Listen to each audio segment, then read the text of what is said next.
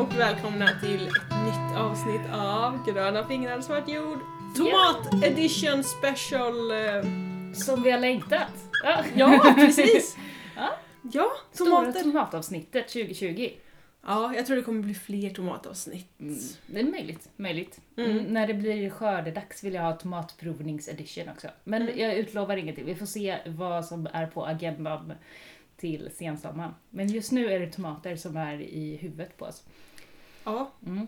Hur går det för dig med tomaterna? Har du satt något? jag satte mina tomater igår. Igår är alltså Eh, em, 20 någonting. Ja, 22, precis. 25. I slutet på februari. Ja. Och jag satte 90 frön totalt. Va? Av åtta olika sorter. Okej. Mm. Mm. Berätta mer. Hur ska du få plats med 90 plantor?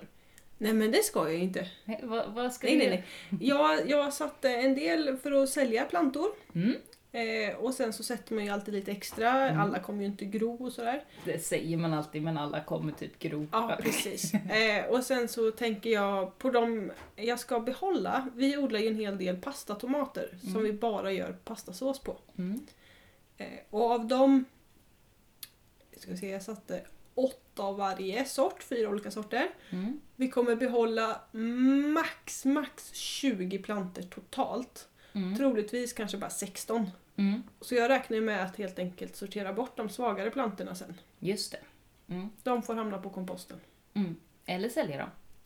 Mm, eller ge bort dem. Mm. Vad är pastatomater för de som inte har koll? Eh, pastatomater är eh, tomater i lite större plommonstorlek. Mm. Liksom avlånga sådär. Lite avlångare, lite rundare. De är sällan väldigt speciellt... Alltså de är inte så snygga eller sådär utan de är väldigt basic, lite tråktomat Mm. kan man säga. Eh, med väldigt lite kärnor Mm. och väldigt lite såna, den här stammen eller det hårda som kan vara i mitten på en Mm. del tomater. Speciellt bifftomater kan ju ha en hel del. Mm. De är mest fruktkött liksom. Ja, väldigt mycket fruktkött. Inte så mycket Eh, kärnhus. tunna skal, mycket kött, mycket mat. Mm. Kompakta, de är ganska liksom, tunga tycker jag för att vara...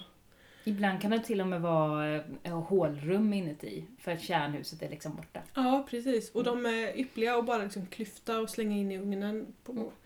en stund så man kan mixa dem när de är mjuka.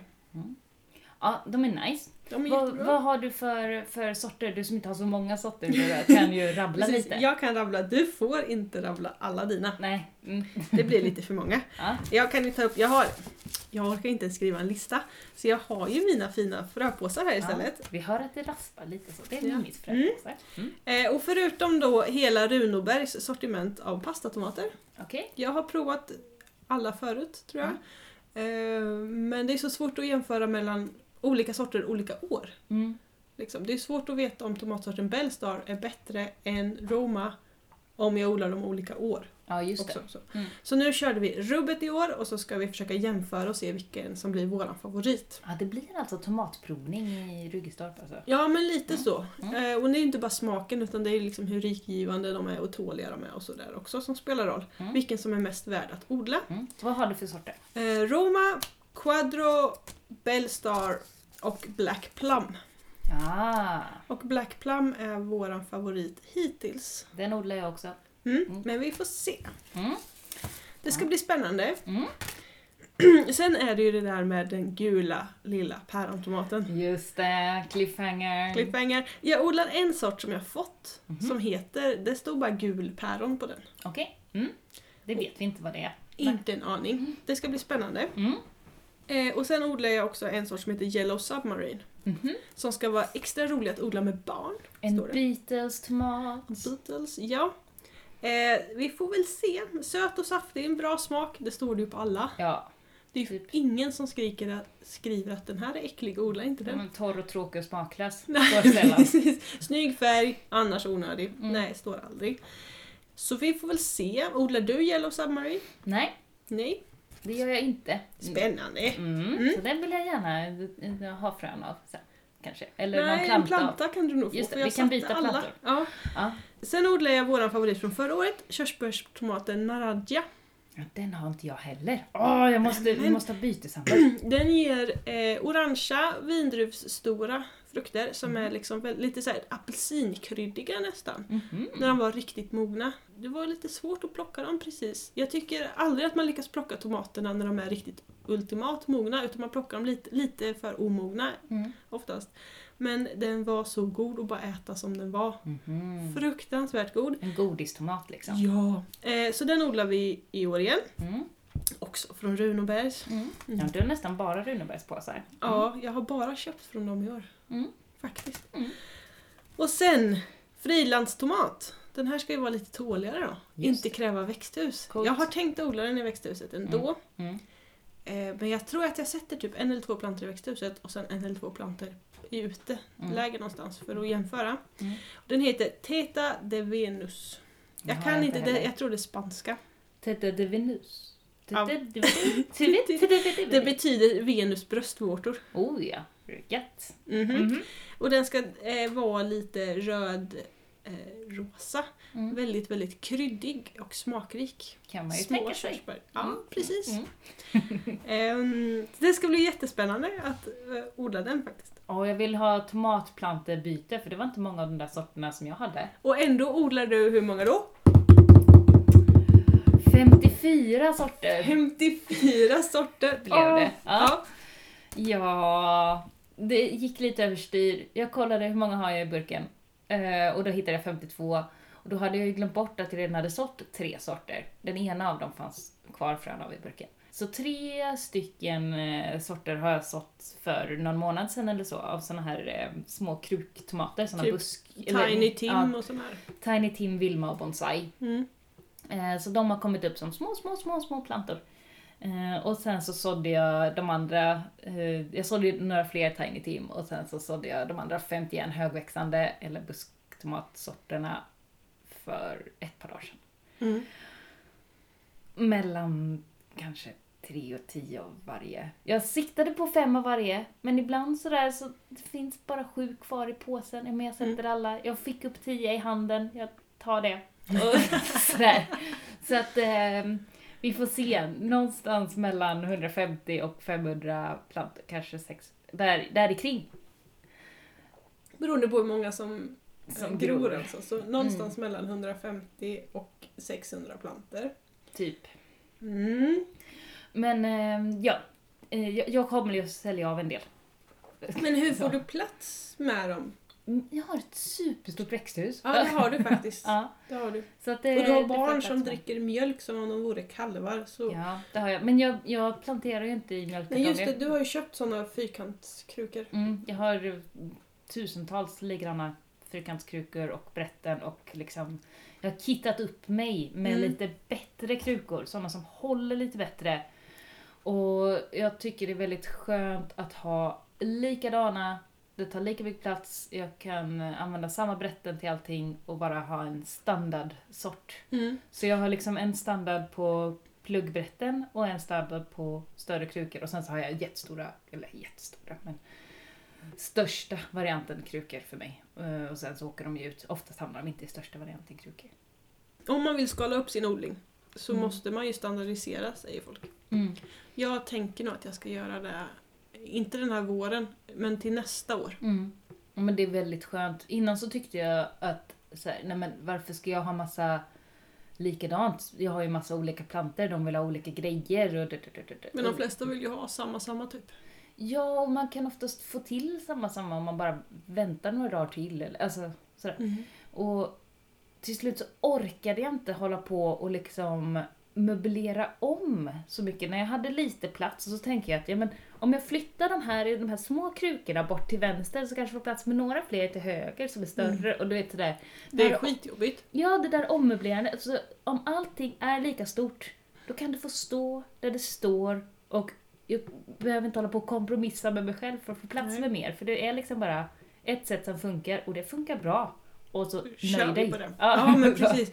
Och sen kanske förbereda utrymmen Mm. i förväg. Har du ett källarutrymme, Mm. sätt upp hyllor och lampor så att du Mm. har det där. Så du bara behöver liksom plocka upp och plocka ner det. Ja, och ha såna här... eh, Jag har ju såna här brätten där jag... Eller sån, ja men det är som eh, en eh, ram med massa hål i.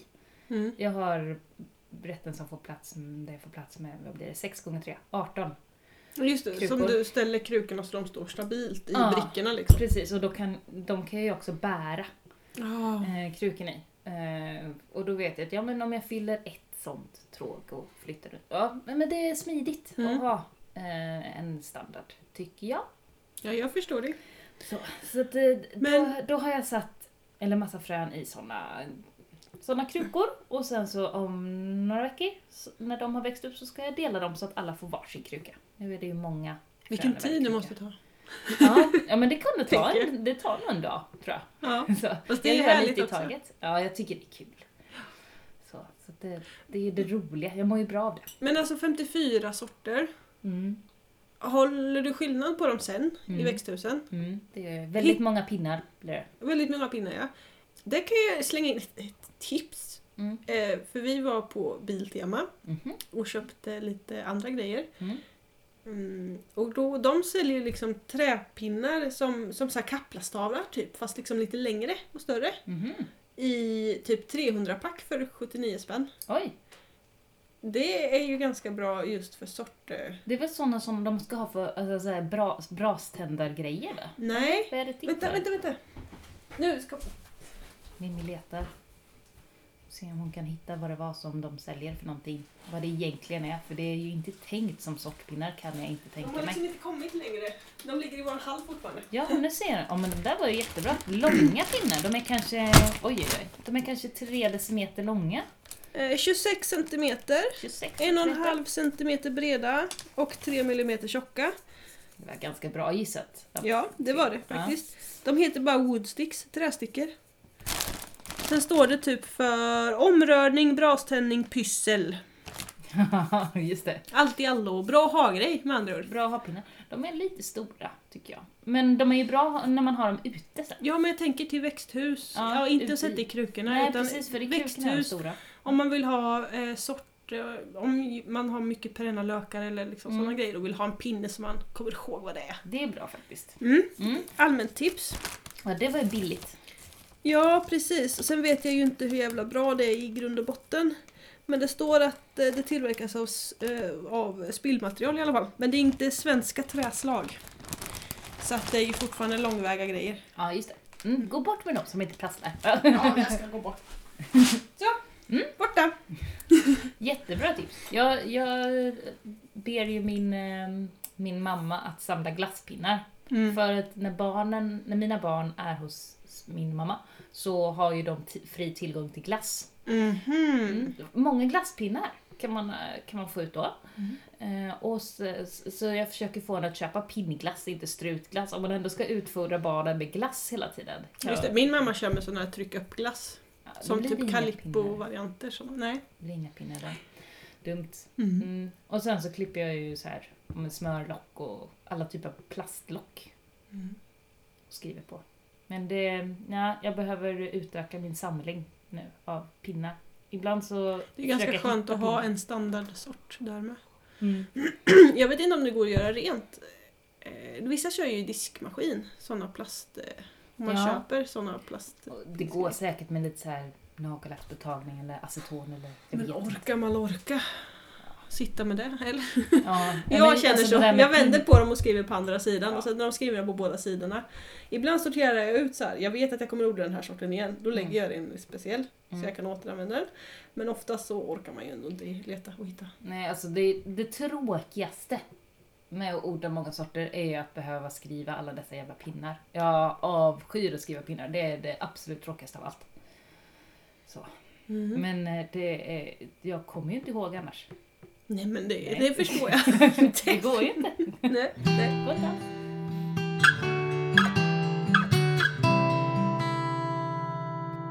Alltså jag förstår ju att du odlar så mycket tomater för att det är kul. Ja, det är grunden. Det är kul. Ja, det är roligt. Eh, Jag har ju fortfarande inte hittat eh, mina superfavoriter, eller några har jag som favoriter. Typ Black Cherry, den är en superfavorit. Och eh, Costoluto Genovese, den är en superfavorit. Men mm, annars så tänker jag att jag har lite dålig koll där på slutet. Men jag blir så här, hinner du ta hand om alla? Hinner Ja. du liksom få fram bra och goda och smakrika tomater när det är så Mycket. Ja, ja och det tycker jag. Och jag kanske inte kan maxa alla plantor, men Nej, eftersom men jag har så många så, liksom, så får jag ändå en bra skörd. Liksom. Ja, det förstår Så, jag. så Jag, att det, det brukar funka. jag roade mig när vi bestäm, bestämde att vi skulle prata om tomater. Mm. Och jag bara så här, hmm. Om Matilda odlar 150 tomatplantor Mm. och varje planta ger typ kanske mellan, ja, säg 2,5 till 5 kilo skörd. Vad Mm. blir snittet på det? 3,5 kilo. 100 det är 3, 350, det är ju ett halvt, alltså minst 500 kilo tomater om året.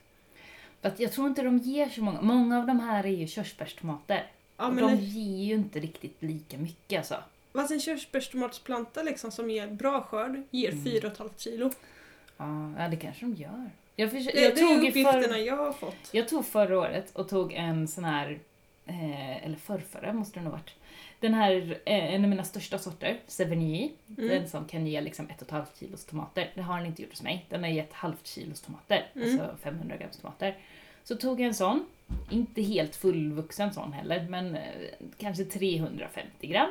Och sen tog jag och hur många så här små babytomater kan jag plocka för att komma upp i samma vikt? Och det var ju nära 100 stycken för att komma upp i samma vikt. Ja, Och då hade jag ju liksom länsat tre planter eller någonting ja. för att komma upp i det. Eh, och då hade jag ju fler sådana stora tomater på plantan. Mm. Så att jag... Alltså ska man ha mycket mängd, då så ska man ju satsa på bifftomater. Mm. Även om man får färre tomater, men man får större...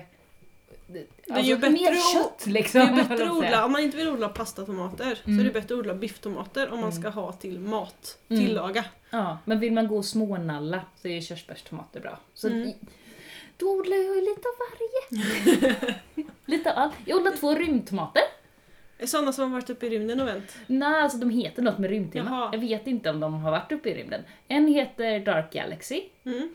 Eh, och den har jag odlat innan. Den- Jättesnygg. Snygg men äcklig. Den är snygg. Ja, ja men nu, nu kommer vi. Ja. Och sen så heter den, den som är ny för i år är Plan 9 from Outer Space. Mhm. Eh, plan 9 från yttre rymden. Mm. Och nu måste jag tjuvkolla här på min lista.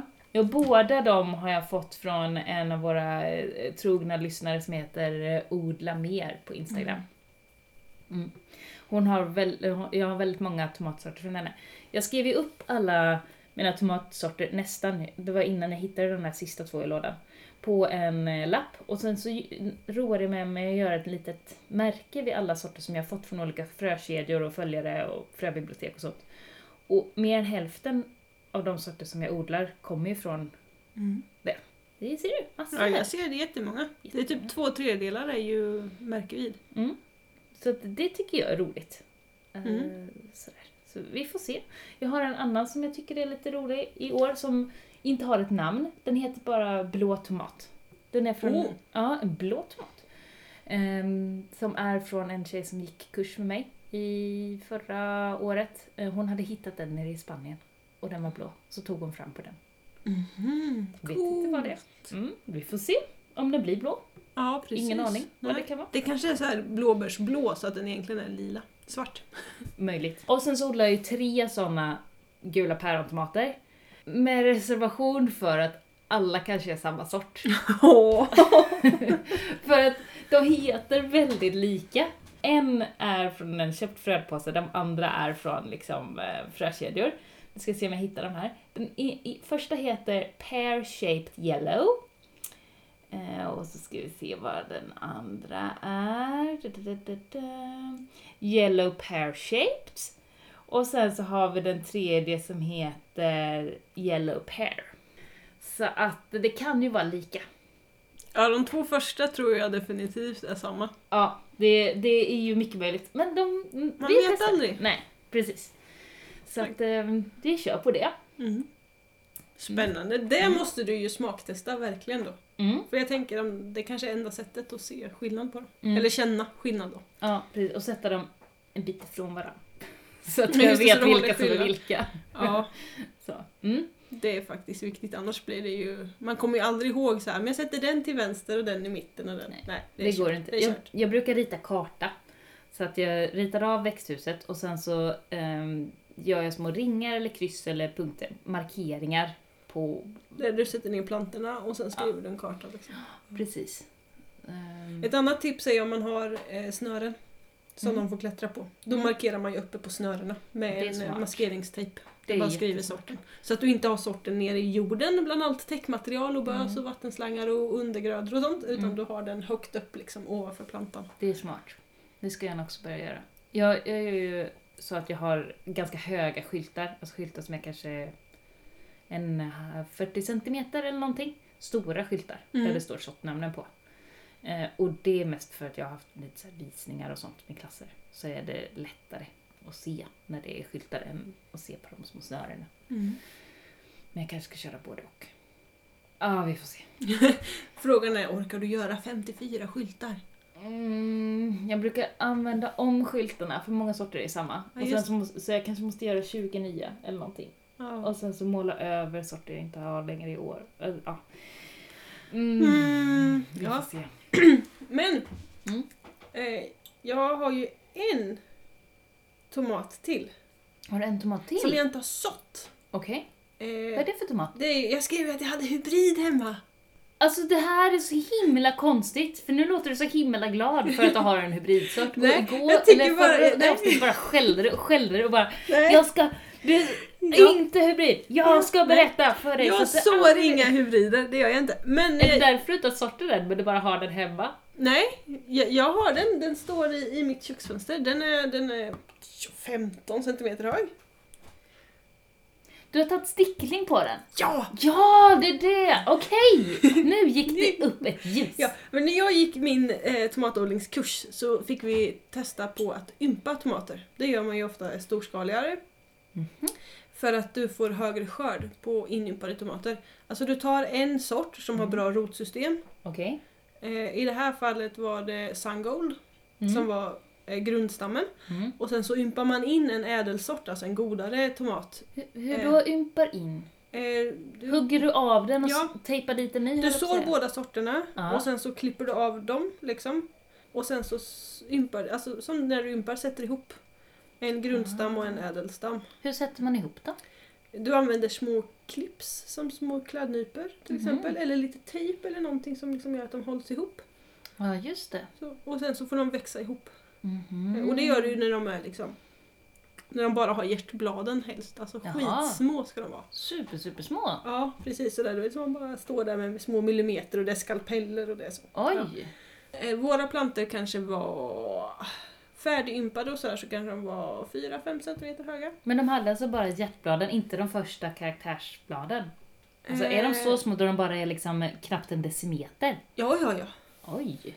Oh ja. De du, är liksom, bara du två klipper ju av du klipper ju av precis, runt två veckor gamla var de. Mhm. Du klipper av grundstammen kanske när den är typ 2 cm hög som mest. Mm. Och sen så klipper du av på ädelsorten klipper du av mm, ungefär en centimeter under bladparet. Mm. Eh, och sen så sätter du ihop dem med en liten clips som man kan köpa för det här ändamålet. Då. Mm. Eh, och sen så ska de få växa ihop så. Eh, och vi ympade in ädelsorten Favorita. Mhm.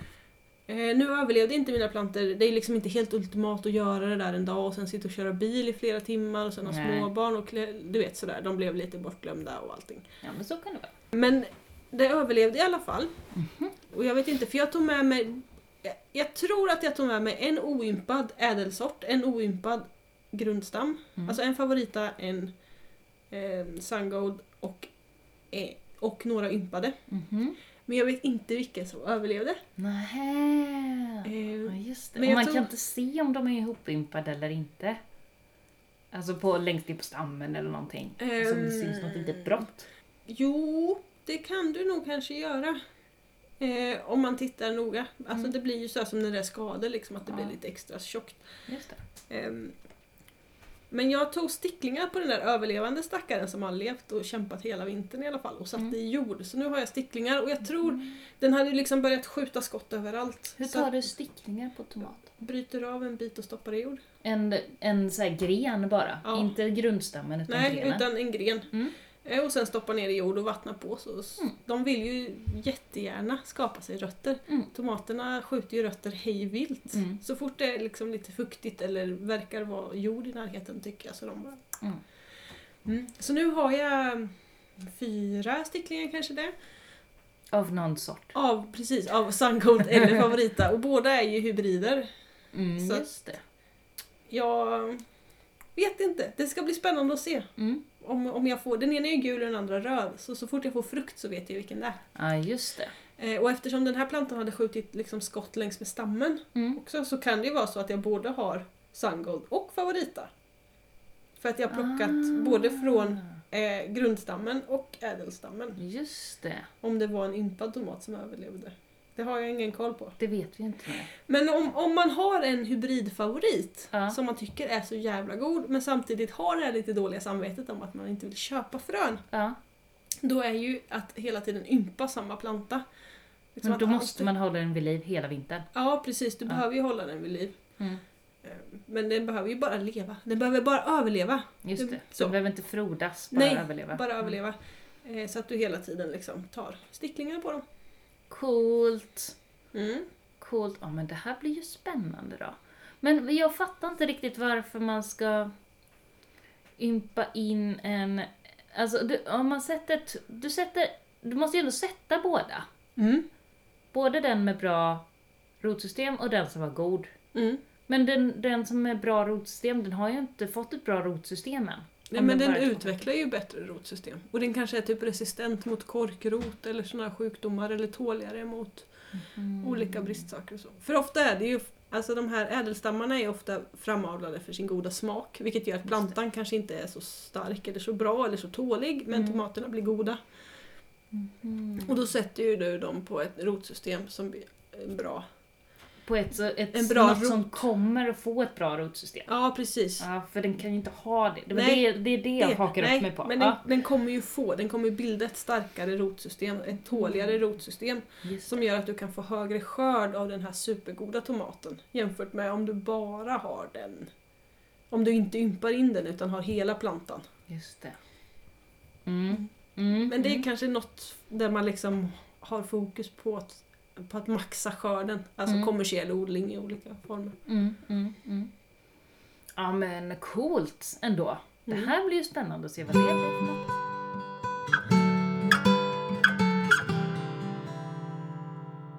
Kommer du liksom så här odla den här eh, hybriden nu framöver och bara vårda den och här, ta hand Om din den är god. Ja, okej. Så kanske jag kommer göra det, ja. Ja, det är så märkligt. Jag är ju tvungen, jag kan ju inte, kan ju inte bara döda den heller liksom. Nej, nej det går ju inte. Nej. Nej, det är ju jobbigt. Det där när man drar upp planter och sen så har man för många planter och så... Ja, men den här har jag ändå liksom försökt och liksom, det har varit liksom, vi har en resa tillsammans med ympningen och kursen och allt det där liksom. Mm. Och sen är det ju dessutom, den här favorita ska ju vara så supergod! Det är en klar favorit, du vet. Woo! Eh, så då- Skriver folk på nätet? Eller? Är det nej, så? nej, det Inför den här kursen så rådgjorde ju de med massa tomatodlare, kommersiella tomatodlare, om Mhm. deras favoriter. Mhm. Och då var den här favorita liksom, det var den som typ så. Sverige liksom älskar. Och Mm. då blir man ju, jag, har, jag vet aldrig om jag har smakat den. Troligtvis har jag aldrig smakat den. Nej. Och har jag smakat den så borde jag ju ha köpt den som tråkig butikstomat och de smakar ju inget. Nej, just det. Så nu är jag ju så jättenyfiken på att få se om den är sådär himmelsk. Alltså om den är supergod, Mm. kan jag få en imp då? Ja, du kan Okej. få en pinne eller två. Ja, då är jag nöjd. Mm. Då har du ytterligare en sort sen. Mm. Kan bo i odlingsskåpet hela vintern. Ja. Ja, min har ju stått typ i ett växthus och i- tills jag bara så här, jag kanske ska ta in den så den inte fryser sönder helt och hållet. Och sen har den stått i köksfönstret Det är nice. i fortfarande samma mjölkkartong som den omplanterades i. i...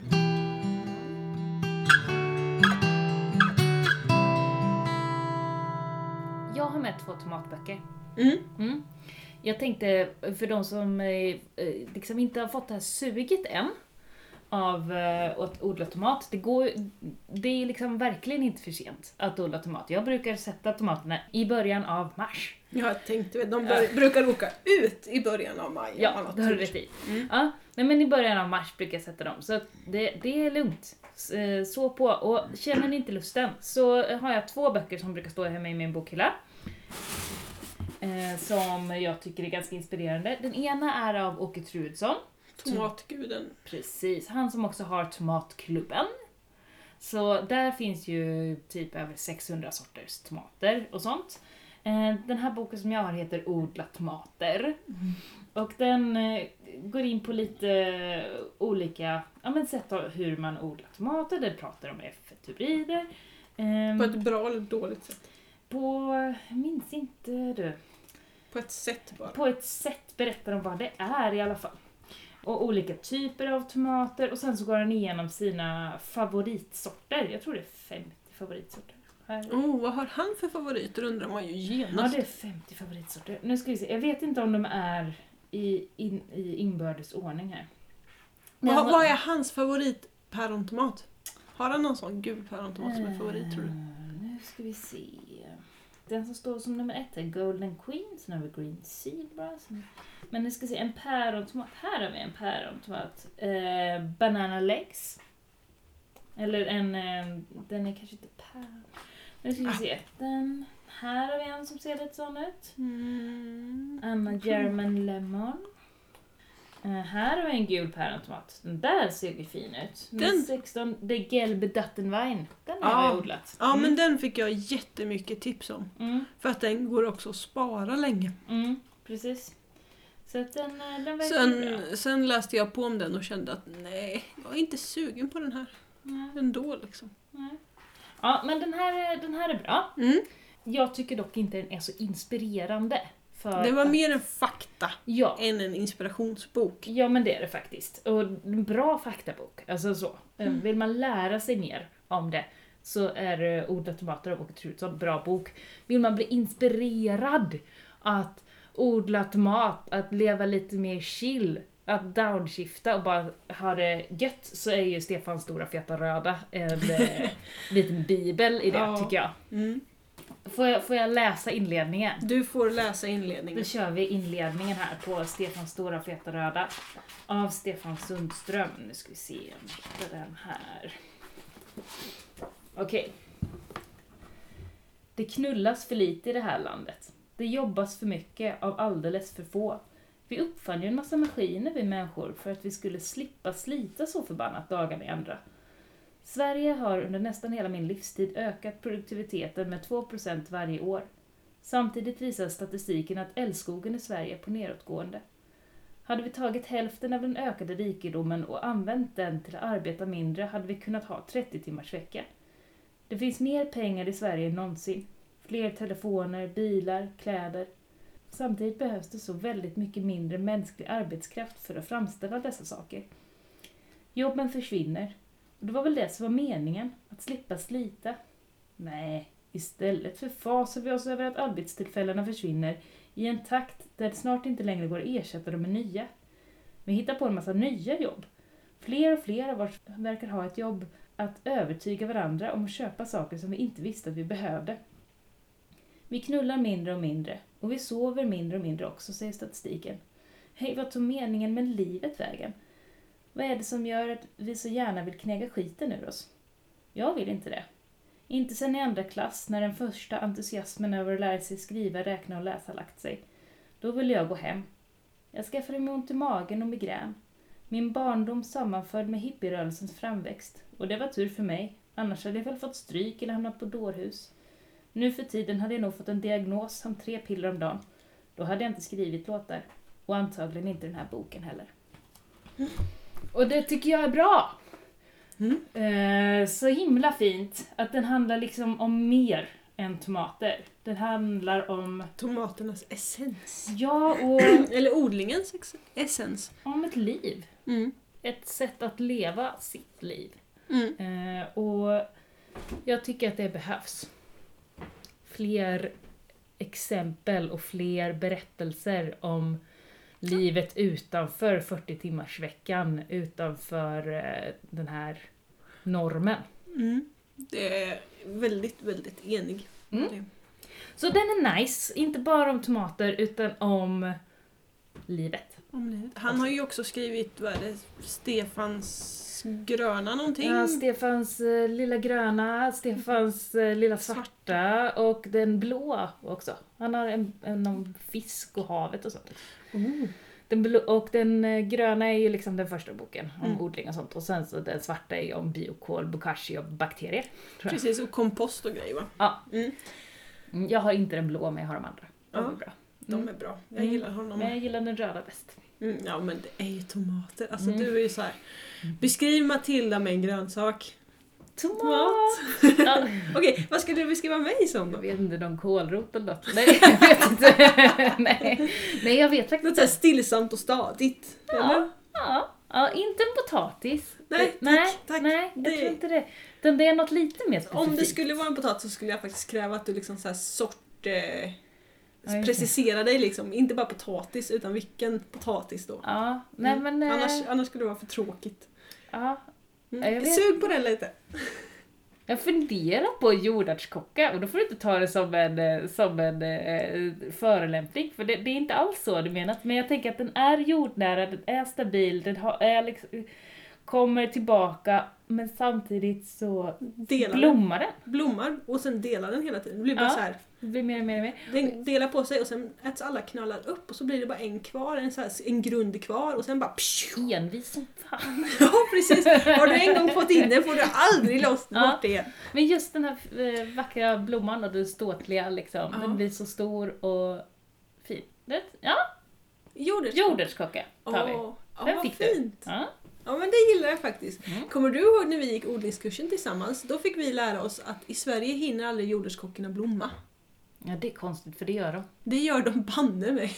Men det är olika sorter också. Alltså den, den sorten har, den blommar. Även om det är sent, men den blommar. Jag tror både. Jag har två olika sorter. En som jag har fått. Mm.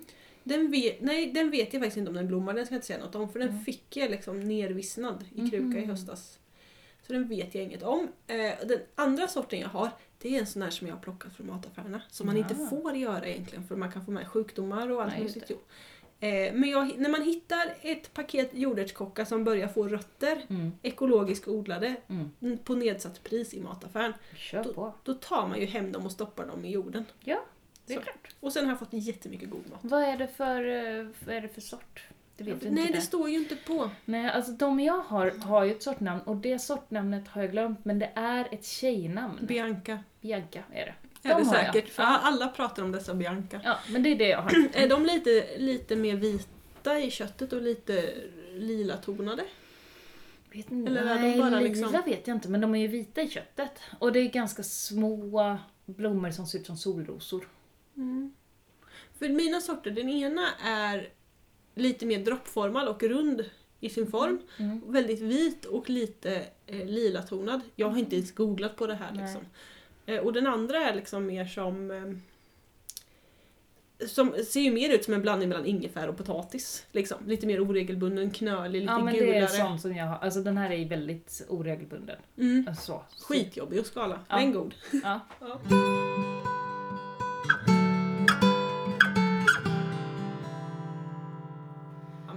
Se. Mm. Men nu ska vi inte prata om det, vi skulle prata tomater Ja! igen. Mm. Jag tänkte jag skulle dra eh, tomatodlingens allra heligaste grunder. Oh, do it! Nu är det så här skittråkig liksom faktarabblande då. Nu sänker du det här poddavsnittet. Det är superrolig, bra fakta. ja, precis, för den som vill. Ja. Ja, för det här, det här tycker jag är kul. Mm. Ehm, jag tänker att sånt här kan ju... Det är sånt här som kanske är bra att ha i bakhuvudet. Mm. För att man ska liksom få bra skörd. Mm. Först, för smakens skull. Mhm. Vet du vad tomater behöver för att smaka så gott som möjligt? Eh, eh, ljus, jord, vatten. Jag vet inte. Nej. Ja, ja det, det var rätt. det, var rätt. Nej, men det bästa att gödsla tomater med är stallgödsel Mhm. och halm för det innehåller eh, kalium och kalium är bra för smaken, för Ah. sötman och syrligheten. Och det är just från häst. Liksom. Eh, nej, stallgödsel kan ju vara från kor och så med. Häst Mm. är väl... Det är en annan slags eh, djur.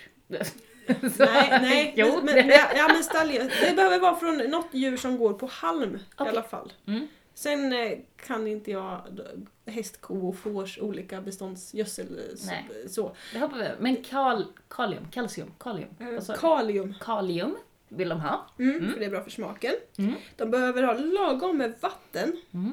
så att det, annars blir det liksom blaskig smak. Just det. Eh, och lagom med vatten, det är så här i april när Mm. du planterar ut dem, Mm. då bör de ha ungefär 2 deciliter per dag per planta. Oj, det är mycket. Det är ganska mycket. Ja, I juni så behöver de ungefär en och en halv liter per dag att planta. det är jättemycket. Ja, Ja. det är det faktiskt. Mm. Eh, jämnt under dagen allra helst. Mm. Inte så mycket på kvällen för då kan Nej. det bli fuktskador och de spricker och så. Mm. Bäst smak är de om de får mogna på plantan. Det är ju Mm. därför egenodlade alltid är godare än butiksköpta för de är ju inte mognade på plantan. De plockas ju innan de är mogna Just det. för att eftermogna. Ja, och sen så tar man dem till något ställe när man ska sälja dem precis innan så skickar man in etylengas så att allting mognar. Ja precis och Mm. de kylförvaras emellan och det blir inte alls på samma sätt. Mm. När man har plockat dem så ska de ju inte in i kylskåpet. De ska ju lagras i rumstemperatur. Mhm. Precis som choklad smakar tomater bäst i rumstemperatur, inte från ky- i kylskåp. Alltså när du kopplar ihop det med choklad kommer jag komma ihåg det. Ja, precis. yes. Just Ja, det. det var för smaken. Mm. Just det. Att ha hästbajs, lagom med vatten. för- Halm. Hästbajs, halmen är viktig. Hästbajs, med. halm, lagom med vatten under dess tid. Inte för mycket vatten på kvällen för då kan de spricka. Och sen så lagrar de i kyl, inte i kylskåp. Plocka dem mogna med. Plocka dem mogna. Mm. Ja, mm. Du är Bra. med? Jag är med. Okej. Eh, jag stod här, här förut och räknade ut när eh, jag behövde plantera ut mina plantor ungefär. Man ska Mm. så dem 9-10 veckor innan man räknar med att plantera ut. Just det. Eh, om man vill bli stressad av de här så-anvisningarna det står så februari till april. Mm. Och man bara så här, hehe, ja, ska vi ta någonstans i mitten kanske? Eller vart. Så kan man bara räkna bakåt från Mm. när man tror att man behöver ha ut dem i växthuset. Mm. Ungefär 10 veckor. Och då ska man se till att, in, att det inte är sista veckan innan man slutar jobbet eller någonting för semestern för då kommer man ha fullt upp ändå så ta det hellre skjut fram det lite då så att man Ja, tar ut det på precis. semestern. Eh, jag satte ju mina nu i vecka 9 ungefär, så Mm. mina ska ju ut veckan 19 ungefär. Mm. Och det är ju i början på maj. Mm. Och det tänker jag är ganska lagom. Mm. Man kanske får bära in dem någon gång Mm. och sen ställa ut dem igen och Mm. hålla på. Mm. Eh, eller hålla på och gulla lite med... Eh, Fiberduk. Precis. Mm. För det kan ju fortfarande komma frost Ja, ända in i mitten på maj. Mm. Eh, och de tål ju inte frost. Nej. Eh, och man ska plantera ut dem lagom till första blomman börjar komma. Just det.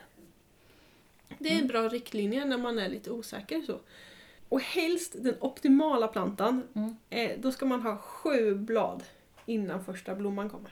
Ah, liksom sju grenar liksom. Sju utgrenar ja. Ja. Och sen första blomman. Men hur kan man, det, det bestämmer ju liksom plantan, det kan ju inte jag bestämma. Nej, men om du har, har du bara tre blad innan första blomman, då är Mm. plantan stressad.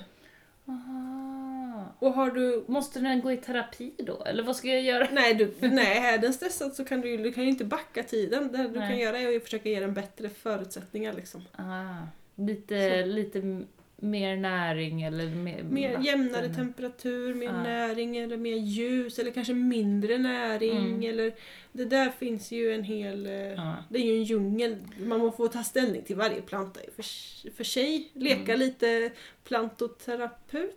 Terapeut? det är bra. Plantoterapeut? Ja. Så det, det är mer ett sätt att se, lyckas jag, lyckas jag inte? Hur nära sju är jag? Ja men man kan ju, man, precis, man kan ju Sikta kanske tävla med sig själv år efter år liksom och se att nej, nu det här våren så var plantorna stressade liksom. Mm. För att de blev långa och gängliga och det var långt mellan varje bladpar och jag hade bara tre blad innan första blomningen kom. Då var det ju Mm. något som inte var bra. Mm. Hur kan jag ge den bättre förutsättningar nästa år? Just det. För att kanske få friskt, man får ju friskare plantor, det blir liksom mindre ohyra, mindre sjukdomar, bättre skörd, bättre smak. Så det är ju liksom på något sätt att ha, det här, nu snackar vi liksom idealet Mm, mm, mm. som du ska försöka och kanske hitta Mm. till. Från utplantering till första... Första frukten? Nej. För, jo, precis. Mm. Första frukten går ungefär eh, sju veckor.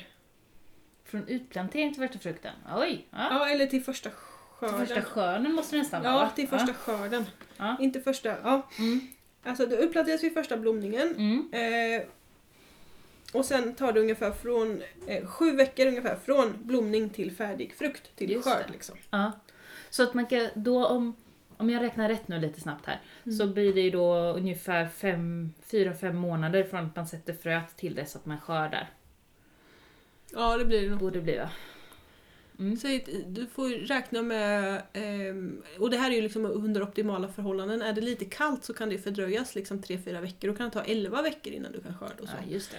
Så det är ju eh, väldigt sådär mellan tummen och pekfingret, optimala förhållanden. Mm. Eh, men räkna med 20 veckor då. Mm. Ja men det är ju 4-5 månader, Ja. från frö till frukt. Så sätter jag det i mars så kan jag skörda i juli. Mm. Typ. Gud vad långt det är till juli. Kände jag då. Ja. Ja. Men det låter rimligt. Ja men det, det, mm, det stämmer ju med hur det brukar vara, känns det som. Ja, precis. Jag hoppas att de inte har ljugit för mig för jag har suttit Nej. här på den här kursen och bara jo men det där det känns rimligt. Ja, men det tycker jag låter rimligt. Ja. Ja. Eh, och när man planterar i växthus då Mm.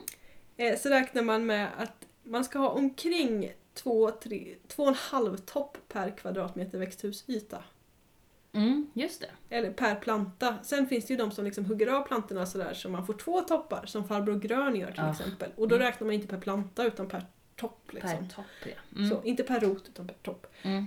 Eh, men du, du kan ha upp emot fyra toppar om det är små tomatplantor. Ja, så det är ju, det. man kan ju säga, säga typ tre. Tre plantor per kvadratmeter växthusyta. Mm. Och då är det ju totala kvadratmetern inklusive gångar. Jaha, Som räk- inklusive Ja, inte per liksom... Ja, det är inte per kvadratmeter odlingsbädd utan per Nej. kvadratmeter växthusyta. Så om jag har ett, ett växthus på 12 kvadrat, det är Mm. ganska vanligt liksom. Mm. 12 kvadrat, då kan jag ha 36 tomatplantor där i. Mm. Ja, men då är jag på banan. Du, Ja, bo, det, du borde kunna få in det. ja. ja. Liksom.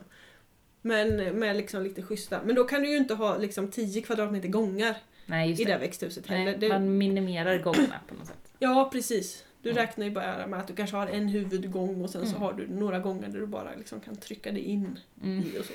Just det. Eh, det kanske man inte har i 12 kvadrats växthus. Nej, då har man bara en gång rakt fram. Eller Ja. det har jag på, jag har ju två stycken växthus som är 12 kvadrat. Ett Ja, som är precis. 24 och ett som är 40. Och om du har du 80 cm breda odlingsbäddar så Mm. kanske du sätter tomaterna då i zigzagmönster liksom hela Mm. tiden. Och inte i liksom rader framför varandra och så utan du maximerar ju ytanvändningen.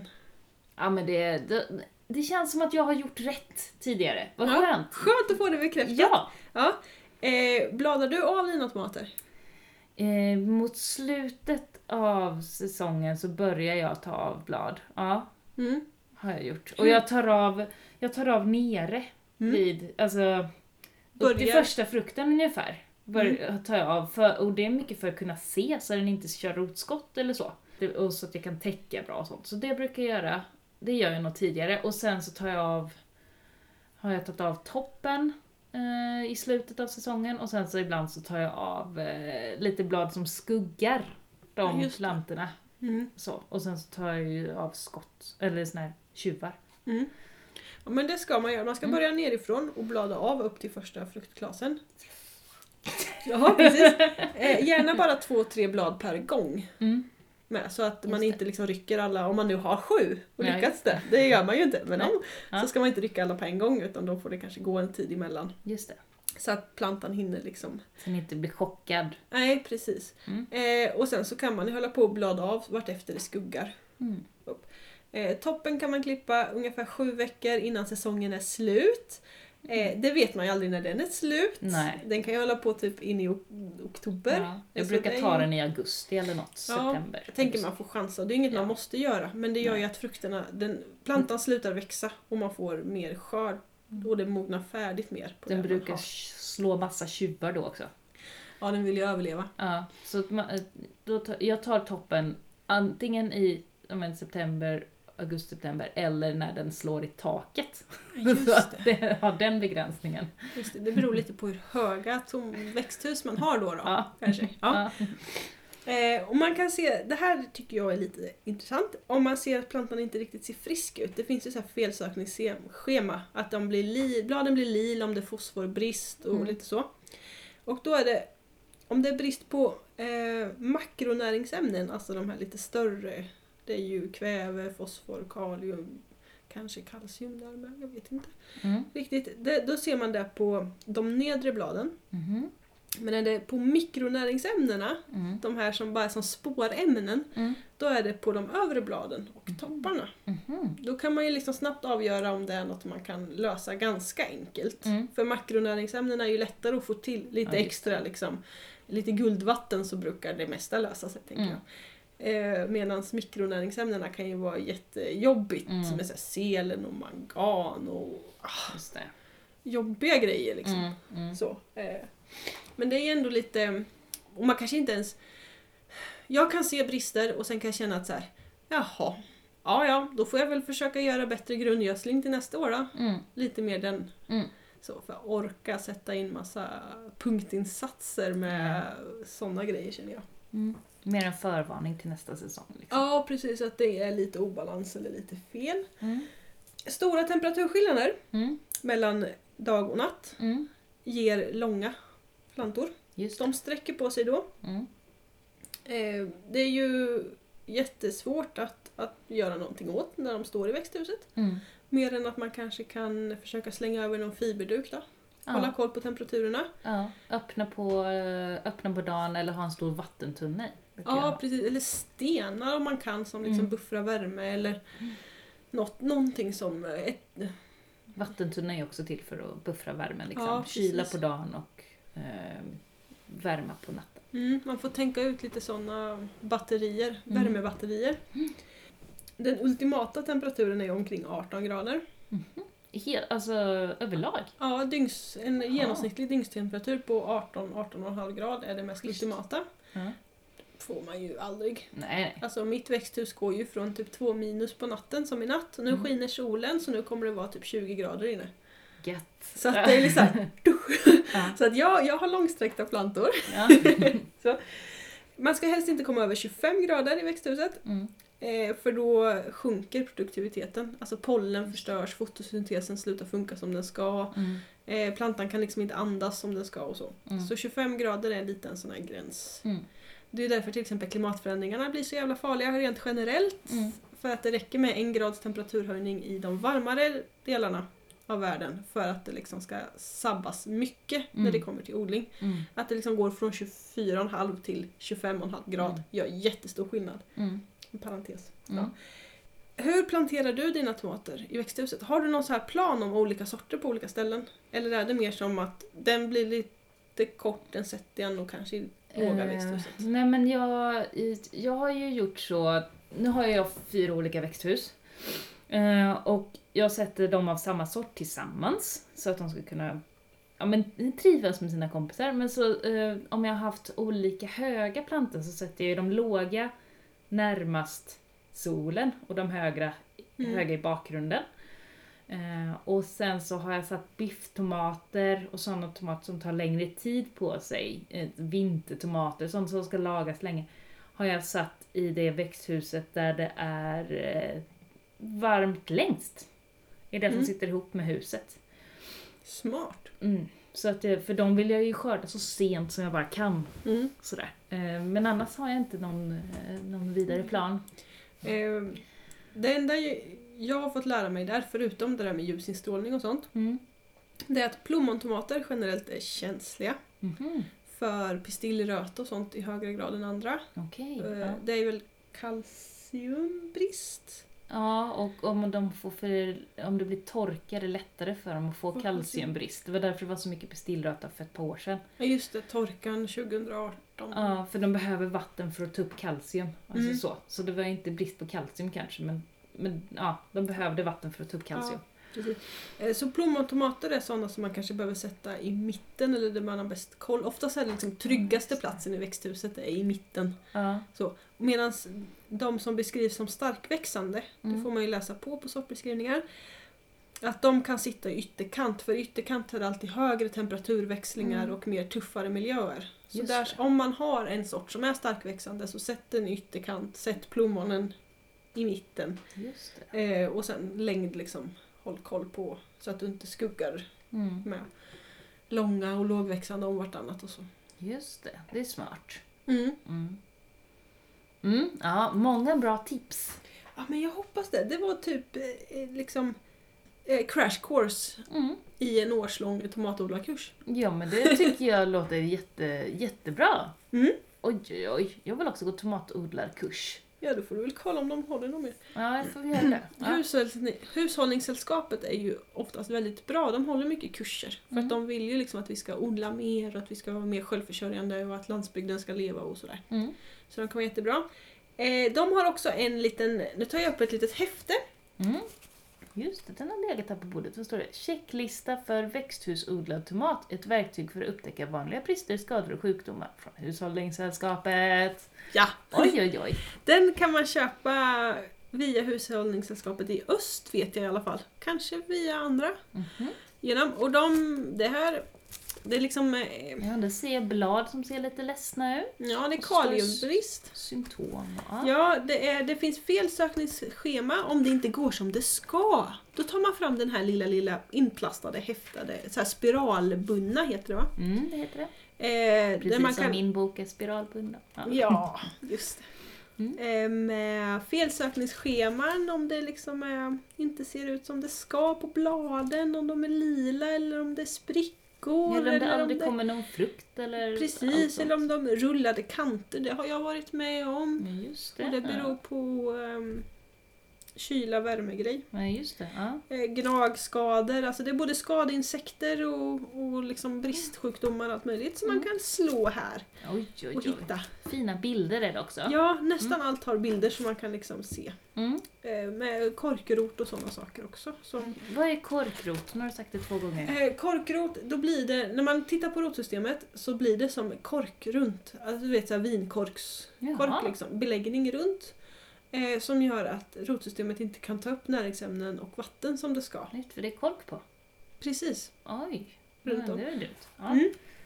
Eh, och det ehm, är en svampsjukdom som gör att eh, du får ju sämre skörd. Plantan Mm. dör inte av det, men det försämrar skörden. Ja, det. Och det kan både tomater eh, och paprika och chili och de flesta växthusgrödorna Mm. Eh, grödorna få. Så Sitter det, det i jorden? Eller det sitter i jorden. Ah, Det är en svampsjukdom i jorden, så har man liksom fått det så har man det. Och det är bland annat därför som storskaliga odlare ympar tomater. För i stort sett Mm. alla storskaliga odlare har den här sjukdomen i sina jordar. Mhm. Eh, och då ympar de ju in mot, på grundstammar som är resistenta mot sjukdomen. Just det. Eller som är tåligare mot sjukdomen. Eller där rotsystemet blir så pass stort att lite korkrot gör ingenting. Liksom, Mm. Och. Nice. Ja Mm. men det där kanske jag får, uh, får, får införskaffa då. Ja men se. det är ett Mm. litet tips om man vill ha en sån där. Kunna Mm. stå och slå i. Mm. Mm. Och nu ser jag fram emot att odla tomater. Mm. Jag, jag vill så gärna att de ska börja poppa upp nu. Så jag kan Ja. räkna hur många det blev. Det blir en spännande uppföljning kanske. Ja. Hur många hundra tomater kommer man till att ha? Mm. Oj, oj, oj, oj, oj. Ja, det blir kul. är det Ja. någon som bor i närheten som är intresserad av att köpa tomat så kommer jag ha några till övers. Mm. Så. Vi skulle ju, det får vi ta i nästa avsnitt. Mm. Vi ska snacka reko i nästa avsnitt. Ja, det blir kul. Mm. Mm. Vad reko är, hur reko funkar. Rekoring Ja precis, Mm. rekoringarna.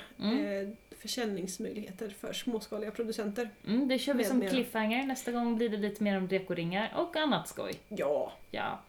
Ha det så bra allihopa så hörs vi framöver. Ses på Facebook och Instagram och allt sånt. Yes. Bra.